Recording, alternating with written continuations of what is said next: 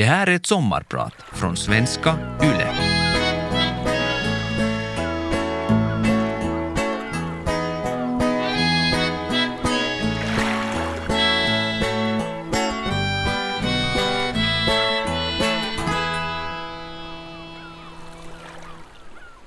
Har du någonsin tänkt på att det mesta du kommer ihåg kanske inte har hänt alls så som du minns det? Det har jag. Både i mitt jobb som rättspsykolog och i det privata. Man kan nästan säga att jag samlar på mig både egna och andras förvrängda minnen. Jag kommer idag att prata om hur vårt minne fungerar och hur lätt det påverkas av annat än det som faktiskt hänt. Minnet är direkt poetiskt. Det är nyckfullt, levande, utsatt för yttre påverkan lätt av känslor och statt i ständig förvandling. Mitt namn är Julia Korkman och idag är jag din sommarpratare.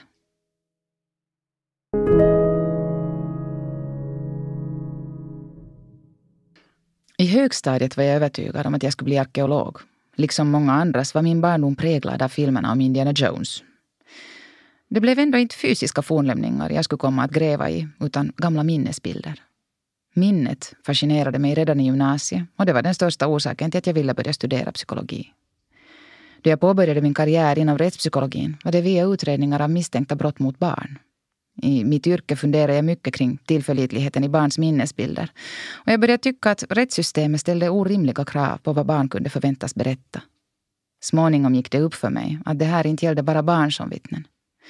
Vårt samhälle överlag och vårt rättssystem i synnerhet utgår ofta ifrån rätt så orealistiska premisser om hur vårt minne fungerar. Vår rättsprocess är inte särskilt väl anpassad till mänskligt beteende. Människors minnesbilder och vittnesmål är ofta helt centrala för rättsprocesserna. Men det sätt på vilket de här minnesbilderna tas emot är orimligt outvecklat. Vårt rättssystem utvecklades under 1600-talet och vid den tiden var det mycket modernt. Det är det i sanning inte längre idag. Poliser knackar ner förhör på dator istället för att videobanda dem. Månader eller till och med år senare hörs vittnena själva i rättssalen. I det skedet kan vittnesmålet ha ändrats från en sammanfattning polisen knackat ner. Och då måste man fundera kring huruvida vittnet ljugit eller ljuger, om vittnets minnesbilder påverkats av andra faktorer eller om polisens förhörsbeskrivning är bristfällig. Poliserna själva blir inkallade i rättssalen för att vittna om hur förhöret egentligen gick till eller om vad som utspelade sig vid till exempel en husrannsakan. Eftersom många poliser har varit med om ett otal liknande situationer under månaderna eller till och med åren som har gått löper det risk att blanda ihop händelser med varandra. Och de kan till och med ha svårt att erinra sig den exakta händelse som frågas efter. Det är de mest känslomässiga bitarna som stannar i minne, men även de här blandas lätt ihop med andra. Minnet är nämligen mycket mer påverkat av våra känslor än vad det är funtat att strikt bevara exakta detaljer av händelser.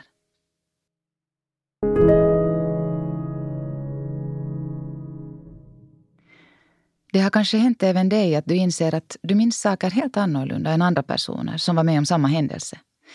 Eller att du och ett syskon båda minns en händelse som om den hänt just er, trots att den omöjligt kan ha hänt båda. Själv levde jag flera år som ung i övertygelsen om att en lärare jag tyckt mycket om i gymnasiet skulle ha avlidit i en olycka. En vår vikarierade jag själv som lärare i samma gymnasium och jag blev inte lite förvånad då läraren dök upp livslevande. Det här får mig att tänka på den så kallade Mandela-effekten som alltså handlar om just det att man kan tro sig minnas en händelse som aldrig har hänt. Personen som lanserade termen var en lite lustig figur vid namn Fiona Broom. Hon hade flera år trott att Mandela redan var död då hon år 2009 såg honom levande på TV. Via nätet fick hon dessutom kontakt med andra människor som delade samma falska minne. Medan jag nog genast misstänkte att mitt minne hade spelat med ett spratt fick Broom för sig att hennes minne var ett tecken på att parallella universum existerade och att hennes minne av Mandelas tidigare död kom från en annan tidslinje. Det vi minns är i själva verket bara små fragment av våra tidigare upplevelser. Våra minnesbilder formas av våra tidigare förväntningar, av hur vi i stunden har tolkat händelser vi har varit med om och hur vi senare eventuellt omtolkat dem. Minnesbilder så som de återberättas, är just berättelser där fakta och fiktion saligen blandas. Det är alltså inte speciellt överraskande att vi inte minns samma saker som andra personer i vår omgivning. Det kan i och för sig leda till en känsla av osäkerhet gällande vad vi överhuvudtaget kan lita på. Hur är det möjligt att jag inte minns det här då jag bevisligen har varit med om det? Vad allt finns det som jag inte minns? Och vad är det allt inverkar på vad jag faktiskt kommer ihåg och vad jag glömt? Förenklat kan man säga att vi minns sånt som är centralt för oss och som väcker starka känslor. Också våra personliga intressen inverkar på vad vi lägger märke till och memorerar.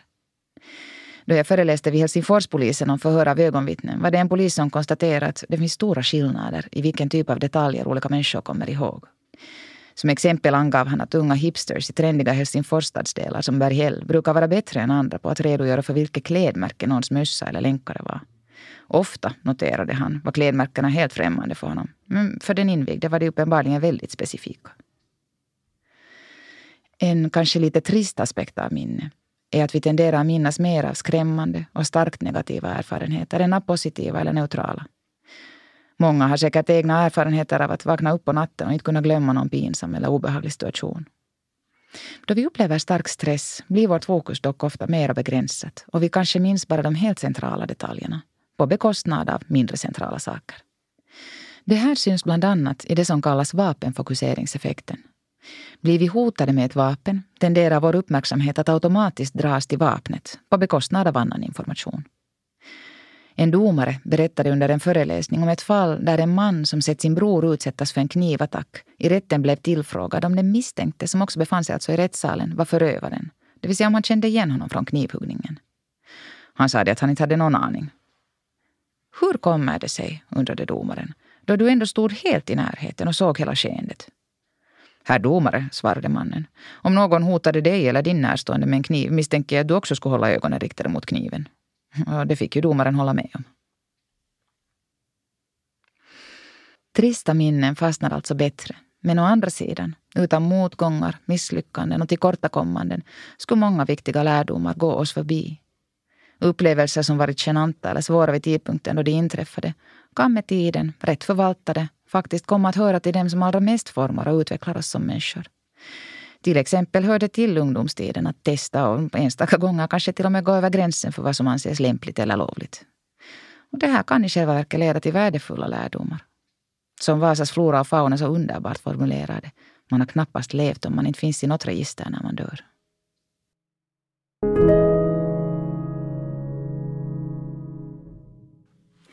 I brottsutredningar är det ofta av central betydelse att reda ut när en händelse ägde rum, exakt hur länge den pågick och vilka klockslag olika personer var närvarande. Men så funkar inte minne. Vi memorerar sällan enligt klockan. Exakt vilken tidpunkt något har inträffat lämnar inget särskilt spår i hjärnan. Vårt minne är mer inriktat på hur distinkt eller intensiv en upplevelse har varit än på exakt hur lång tid en situation tog. I rättsprocesser är det ändå snarare regel än undantag att fråga just den här typen av frågor. Hur länge slogs det? Hur länge hann du betrakta honom? Hur lång var våldtäkten? Det är märkligt hur lite den här typen av frågor ifrågasätts mot bakgrund av att alla människor torde ha egna erfarenheter av att samma antal minuter kan kännas evighetslånga eller flyktiga och korta. För många kändes det som om livet stannade upp då coronapandemin drabbade världen. Dagarna blev enahanda, den sociala interaktionen minimerades, resor, kulturupplevelser och fester, allt lades på is.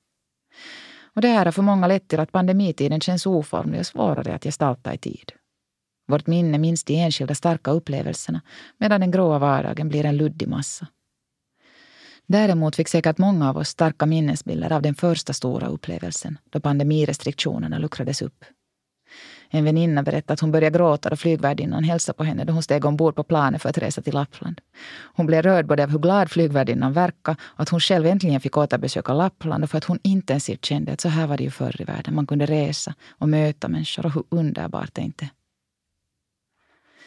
det är alltså de mest avvikande dagarna som brukar få större plats. De enskilda höjdpunkterna, de mest intensiva känslorna och de nya upplevelserna. Ju färre nya saker som händer, desto mindre kommer vi ihåg och desto kortare kanske tiden känns i efterhand. Därför kan även dagar som i nuet känns långa i efterhand kännas som de bara flugit förbi. Och vissa korta dagar i våra liv kan i minne utgöra en långt större del. Som ung åkte jag flera gånger på interrail med min vän Katja vi tågluffade kors och tvärs i Europa varje sommar, levde på minimibudget och åt läckerheter som till exempel tomatkross blandat med torrt bröd till middag och insöp allt det nya. De vackra städerna, alla märkliga och roliga människor vi träffade. Att somna på en färja i Grekland under en fantastisk stjärnhimmel eller äta bland hojtande syditalienare i tåget till Neapel där alla bjöd varandra på den mat de nu hade med sig. Jag har betydligt fler och starkare minnesbilder från de här resorna än från skoltidens vardag.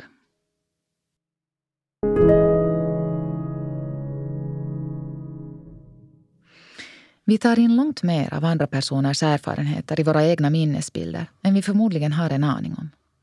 Det finns massivt med forskning på hur det här kan gå till. Bland annat har man konstaterat att om man låter två personer se två olika händelser och sen diskutera med varandra i tron att de sett samma händelse kommer deras beskrivningar av den här händelsen senare att börja likna varandras. Trots att de alltså har sett helt olika händelser. Det här har synts i ett antal rättsfall där vittnen i ett tidigt skede berättat om olika observationer men senare kommit att ge allt mera liknande skildringar. Och det här sker också i det privata.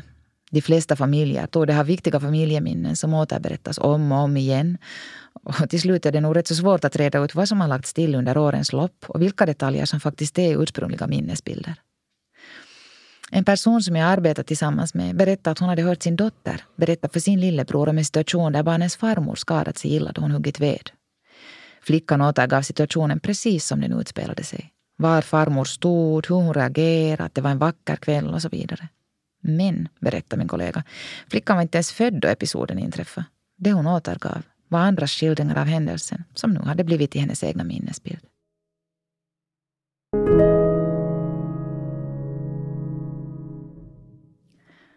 Jag minns tydligt hur han såg ut. Draken som satt på vedbordstaket på vår gård i Majstad i Helsingfors och vars siluett skarpt avtecknade sig då det blixtrade till. Och min syster som sa ”Där är han, Funkan”.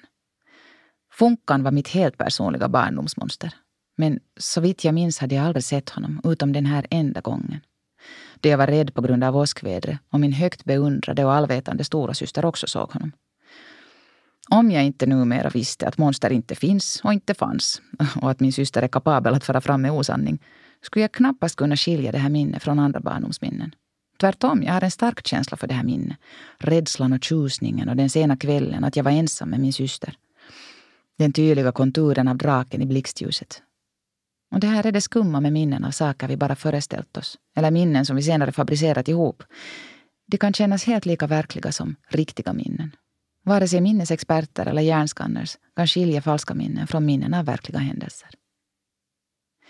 Sedan 1970-talet har otaliga studier genomförts där inte ett ont anande försökspersoner blivit lurade av forskare att tro att de har varit med om sånt som i själva verket aldrig har hänt. Och då de har blivit ombedda att berätta om de här händelserna har de utan att själva inse det fabricerat ihop allt fler detaljer. Man har fått människor att minnas att de tappat bort sig i ett köpcenter som barn och att de blivit hjälpta av en snäll dam, trots att det alltså verifierats med dessa personers föräldrar att det aldrig har hänt på riktigt. Personer har blivit manipulerade att minnas att de har spilt en bålskål på ett bröllop och att de kletat ner en lärares skrivbord som barn. Man har också bett personer hitta på situationer som aldrig har ägt rum och för vissa personer har de här påhittade situationerna med tiden blivit i minnen. En av de kändaste minnesforskarna har själv ett falskt minne från sin ungdom. Elisabeth Loftus var 14 år då hennes mamma drunknade i familjens simbassäng. Mammans död blev, föga överraskande, ett svårt trauma för Loftus. Flera årtionden efter händelsen diskuterade Loftus mammans död tillsammans med sin morbror som konstaterade att det måste ha varit väldigt tungt för Loftus att hitta sin döda mamma i simbassängen. Loftus blev förvirrad för hon hade alltid trott att det var hennes moster som hittat mamman. Morbrodern var hur som helst säker på sin sak och övertygade också Loftus som småningom började dra sig till minnes detaljer kring händelsen. Bland annat började hon minnas hur hon sett sin mamma i bassängen liggande med neråtvänt ansikte och sitt långa hår flytande i vattnet. Hon beskrev hur hemsk den här minnesbilden var. En vecka senare ringde morbrodern och sa att han hade haft fel. Det var inte Loftus, utan mostern som hade hittat mamman. Precis som Loftus själv inledningsvis tyckt sig komma ihåg. Elisabeth Loftus hade i själva verket överhuvudtaget inte sett mamman i simbassängen. Synen med mamman, som låg död i simbassängen, hade ändå etsat sig fast i hennes minne. Minnesbilden var klar och detaljerad och falsk.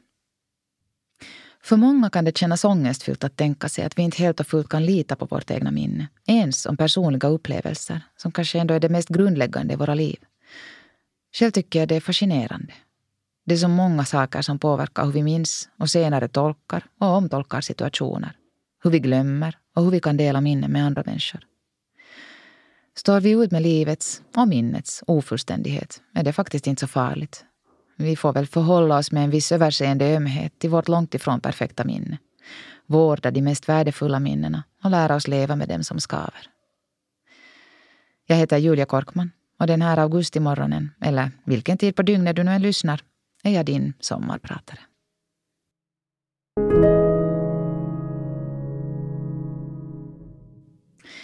Vi minns inte alla tider i våra liv lika bra. Människor har ofta starkare minnesbilder av sina ungdomsår än senare vuxenliv. Det är kanske inte så konstigt.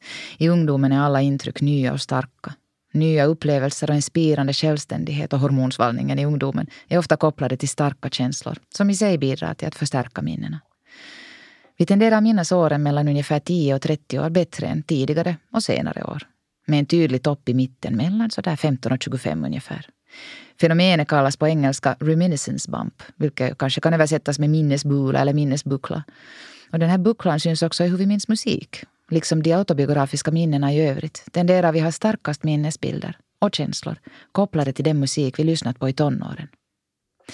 Ett intressant fynd är att tonåringar enligt forskning verkar tycka speciellt mycket om musik som deras föräldrar tyckte om då de själva var tonåringar. Det här är något som jag och säkert många andra föräldrar har erfarenheter av då vi lyckligt har insett att våra tonåringar lyssnar på våra gamla favoritband.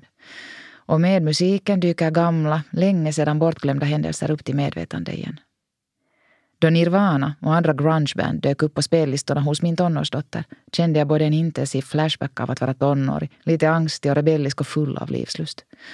Och en lite vemodig men samtidigt fin känsla av hur cykliskt livet är, hur länge sen och hur nyligen min egen tonårstid var. Och samma känsla hade jag då jag såg filmen Bohemian Rhapsody med henne. En lycka över att samma musik präglar våra bådas ungdomsår och kopplas till liknande känslor.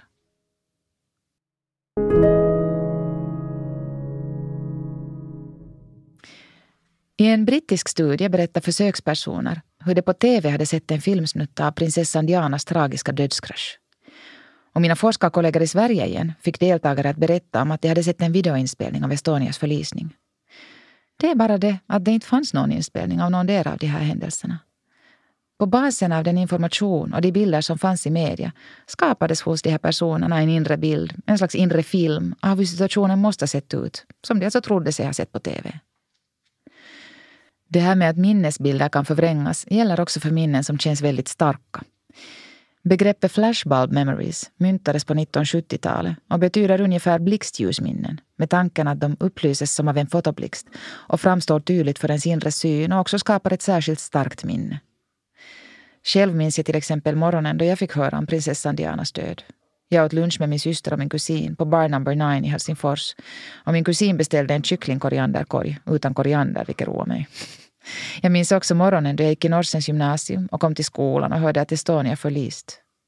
Min vän Krida berättade förfärat om att hundratals människor dött i förlisningen under natten och jag hade ytterst svårt att greppa det.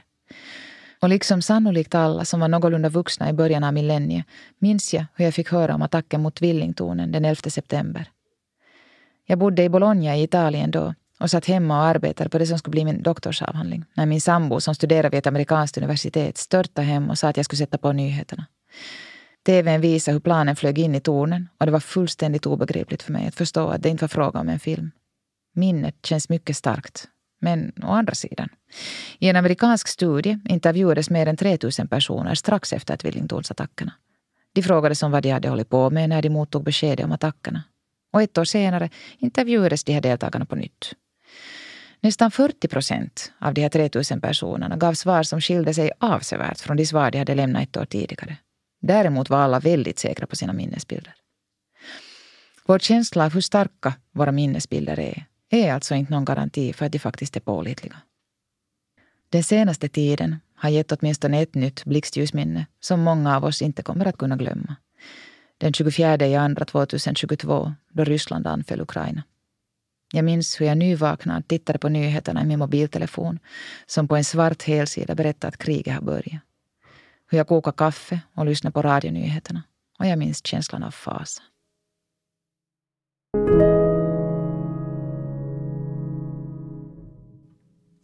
Många finländare lever ännu idag med sviterna av vad andra världskriget inneburit för dem som genomlevde det.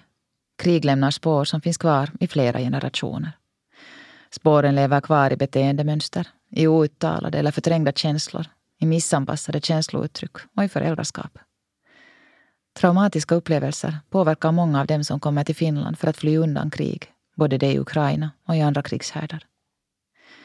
Traumatiska händelser hör till de upplevelser som vi tyvärr har svårt att glömma. Och om vi försöker glömma dem kan det här paradoxalt leda till att de dyker upp allt mer envist. Lyckligtvis finns det numera effektiv behandling för personer som lider av traumatiska minnen och posttraumatisk stress.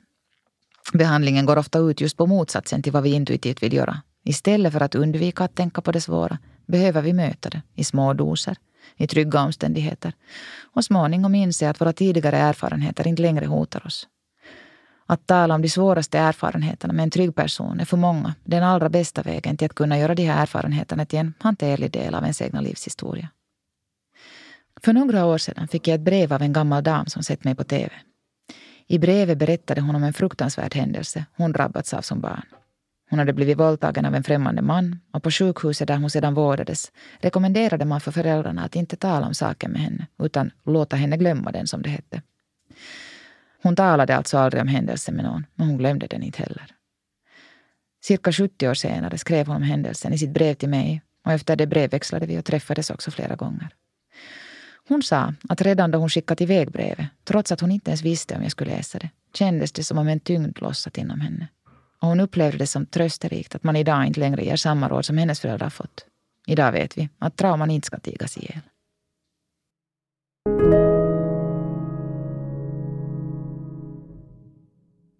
Våra närstående finns kvar i oss även efter att de inte finns bland oss mera. För oss som förlorat människor vi älskat och minns med saknad och värme är det smärtsamt men också trösterikt. För dem som har blivit illa behandlade av de här allra viktigaste personerna kan det vara oerhört konfliktfyllt. Våra föräldrar lever kvar i oss på gott och ont och hur man hanterar svåra barndomsminnen kan vara avgörande för hur man själv kan utvecklas och leva sitt vuxna liv med sig själv och i relation till andra. Det finns situationer där en viss mängd ilska är rimlig och kan vara hälsosam. Ilska känner vi över orättvisa och där en vuxen utsatt ett barn för svåra erfarenheter eller en förälder prioriterat sig själv framom barnet är det a priori fråga om en orättvis situation. Men man kan inte bli kvar i ilska. Långvarig ilska blir bitterhet, äter upp en inifrån. Min övertygelse är att det är en försvinnande liten minoritet av föräldrar som medvetet och aktivt vill göra sina barn illa. Däremot finns det gott om föräldrar vars beteende eller handlande är skadligt för barnen på grund av orsaker som bristande förståelse eller ork, psykisk ohälsa, sjukdom, fattigdom, alkoholmissbruk och medberoende eller egna barndomstrauman. Ingen orsak kan ursäkta att en förälder gör sitt barn illa. Men för det vuxna barnet som försöker hantera en sargad barndom kan insikten i förälderns omständigheter ändå innebära ett visst lugn och kanske en möjlighet till försoning. Kanske föräldern ändå gjorde så gott hen kunde i de omständigheter som rådde och med de resurser hen hade till sitt förfogande. Jag tror att förståelse kan vara välgörande och ge oss en möjlighet att välja att bygga vårt liv annorlunda. Och det är ju inte heller så enkelt att svåra barndomsupplevelser enbart och svartvitt skulle vara av ondo. Barn som växer upp i bomull och aldrig stöter på motgångar under uppväxten kan få svårt att bli självständiga och balanserade vuxna. För det är helt säkert att motgångar bjuder livet på förr eller senare, även för den som skyddats från en som barn. Barn som växer upp i omgivningar med slitningar och gräl bär en tung börda, men till och med sådana svåra erfarenheter kan ha andra dimensioner. Många barn som vuxit upp i otrygga miljöer kan utveckla en stor sensitivitet för känslor hos andra de kan så att säga känna igen sinnesstämningar och vara mycket lyhörda för andra människor. Det kanske inte är det lättaste av barndomsarv, men i bästa fall kan det utvecklas till en värdefull och vacker egenskap. Och de barn som vuxit upp i trygghet och kärlek bär med sig ett skydd mot många av livets törnar.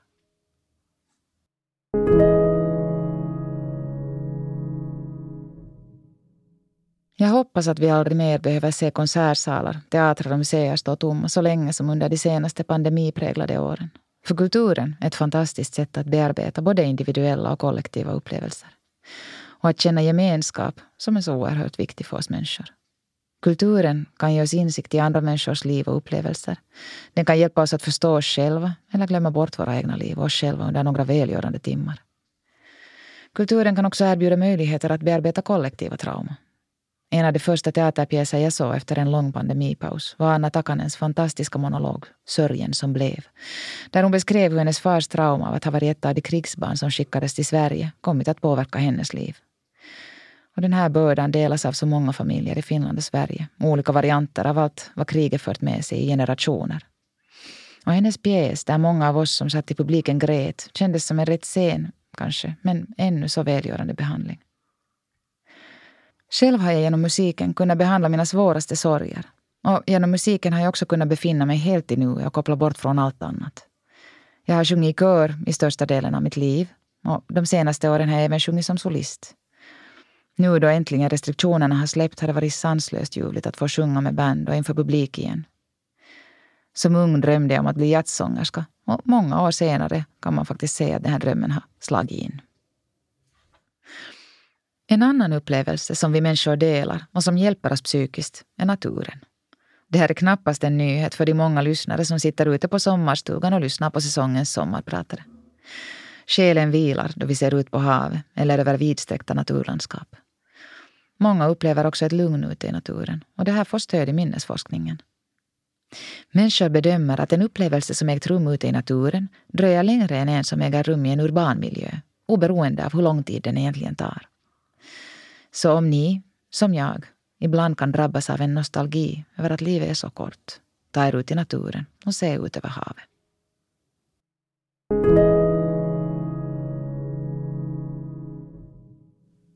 Jag heter Julia Korkman och idag har jag varit din sommarpratare. Det här var sommarens sista program, så jag har glädjen att tacka, inte bara för egen del, utan för oss alla. Tack för att du har lyssnat på oss. Och om du bara har möjlighet, så stäng din skärm. Den är den största tidstjuven som finns och den skapar endimensionella fattiga minnen. Titta ut över havet eller skogen eller på människorna som du älskar. Och försök tillåta dig att njuta av det som, trots alla sorger och allt elände, ändå är vackert och fantastiskt i vårt korta lilla liv. Jag önskar dig vackra sensommarstunder och fina nya minnen.